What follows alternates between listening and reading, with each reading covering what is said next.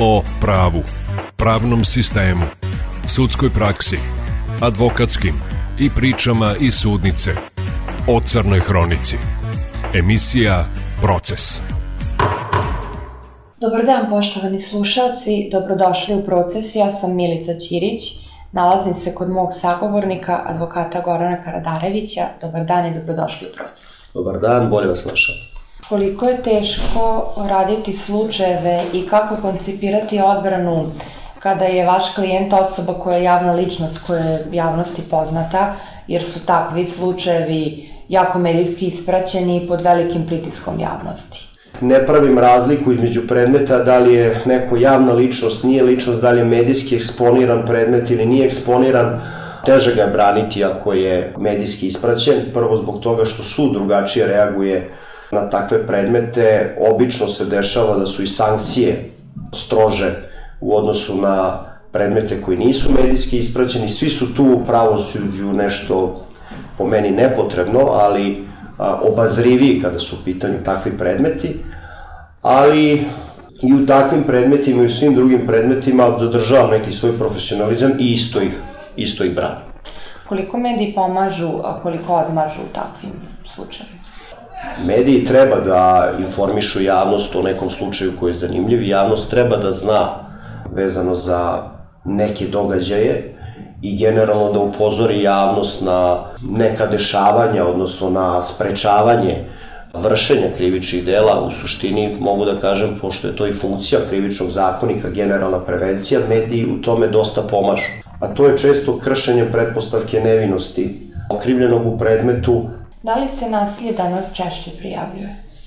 A, nasilje se vrlo često prijavljuje kod nas, to sam ono na početku razgovara i rekao, nekada i po meni nepotrebno, neki međuljudski odnosi mogu da se reše i na drugačiji način, jer dosta tih prijava ispostavi se da budu kasnije neosnovane, ali da, dosta je predmeta u kojima se nasilje prijavljuje, Ja sad nemam podatak neki statistički vezano za to, ali ono što definitivno kroz praksu znam da je bilo u prošlosti određenih predmeta, nedavno je bilo jedno ubistvo u centru, gde je momak ubio devojku, bio je predmet da je muž ubio ženu, tas, tasta i taštu, gde praktično ti predmeti koji dospeju u javnost podstaknu praktično da se nasilje prijavljuje i funkcija medije jeste u tom pravcu da utiče na generalnu prevenciju i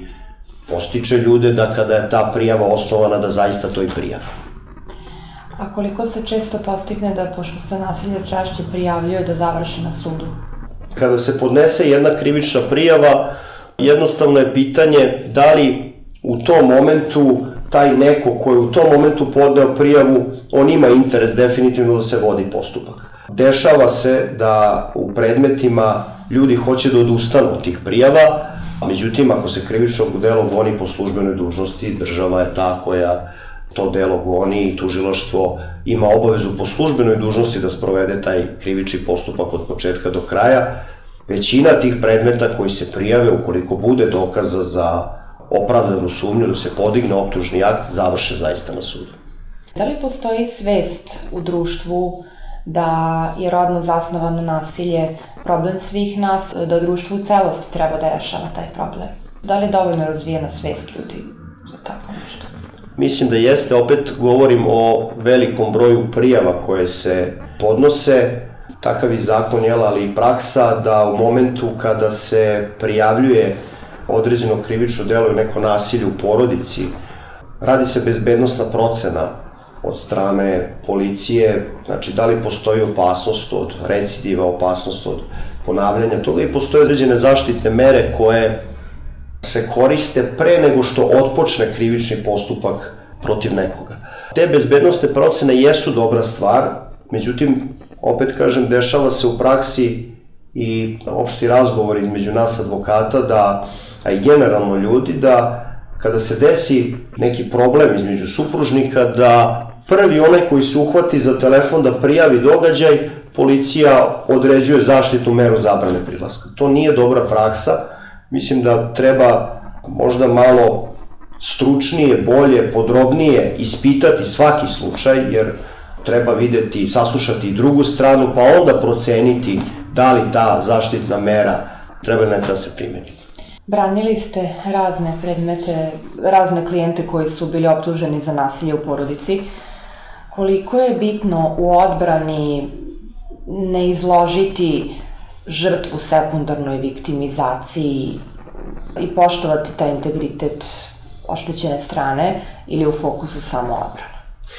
Pa, žrtva predstavlja u krivičnom postupku svedoka oštećeno, znači tu svedok oštećen, to lice koje je oštećeno krivičnim delom, ali i svedok u predmetu.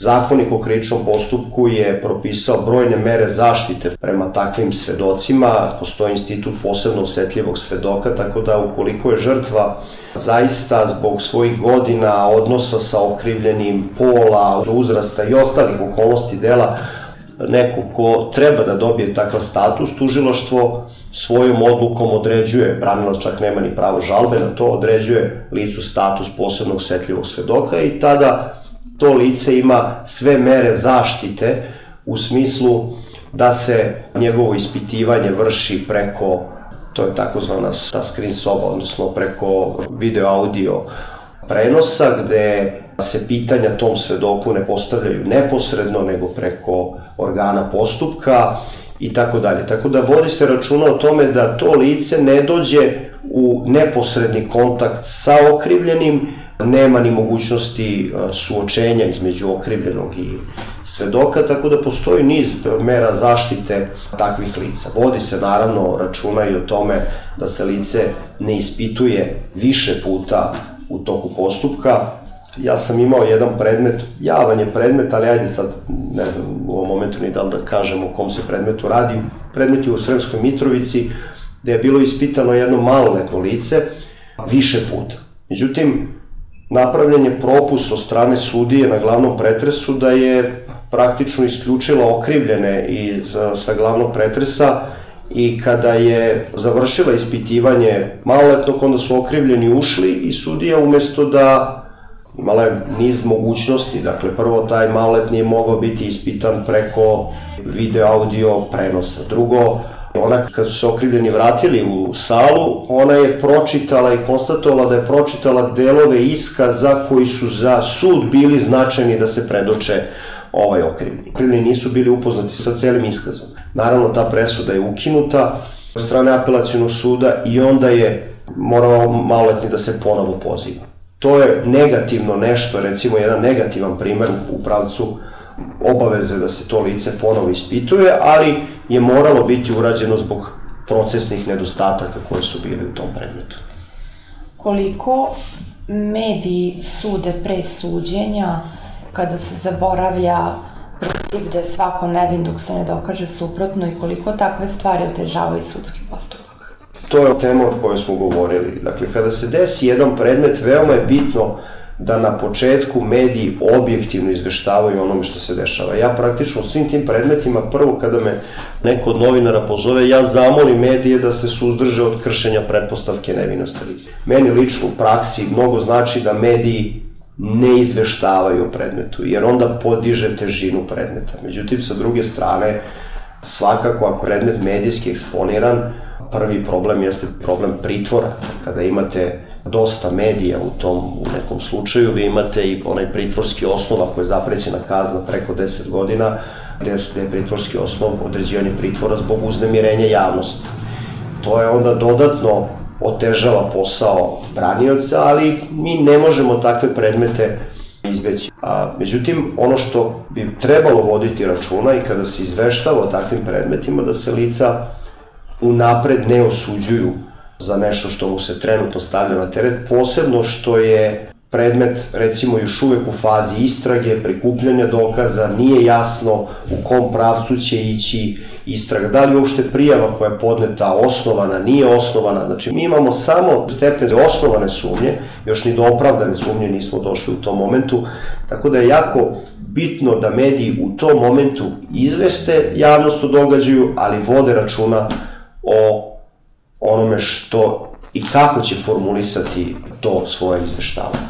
Mnogo vam hvala što ste govorili za emisiju Proces. Molim. Proces.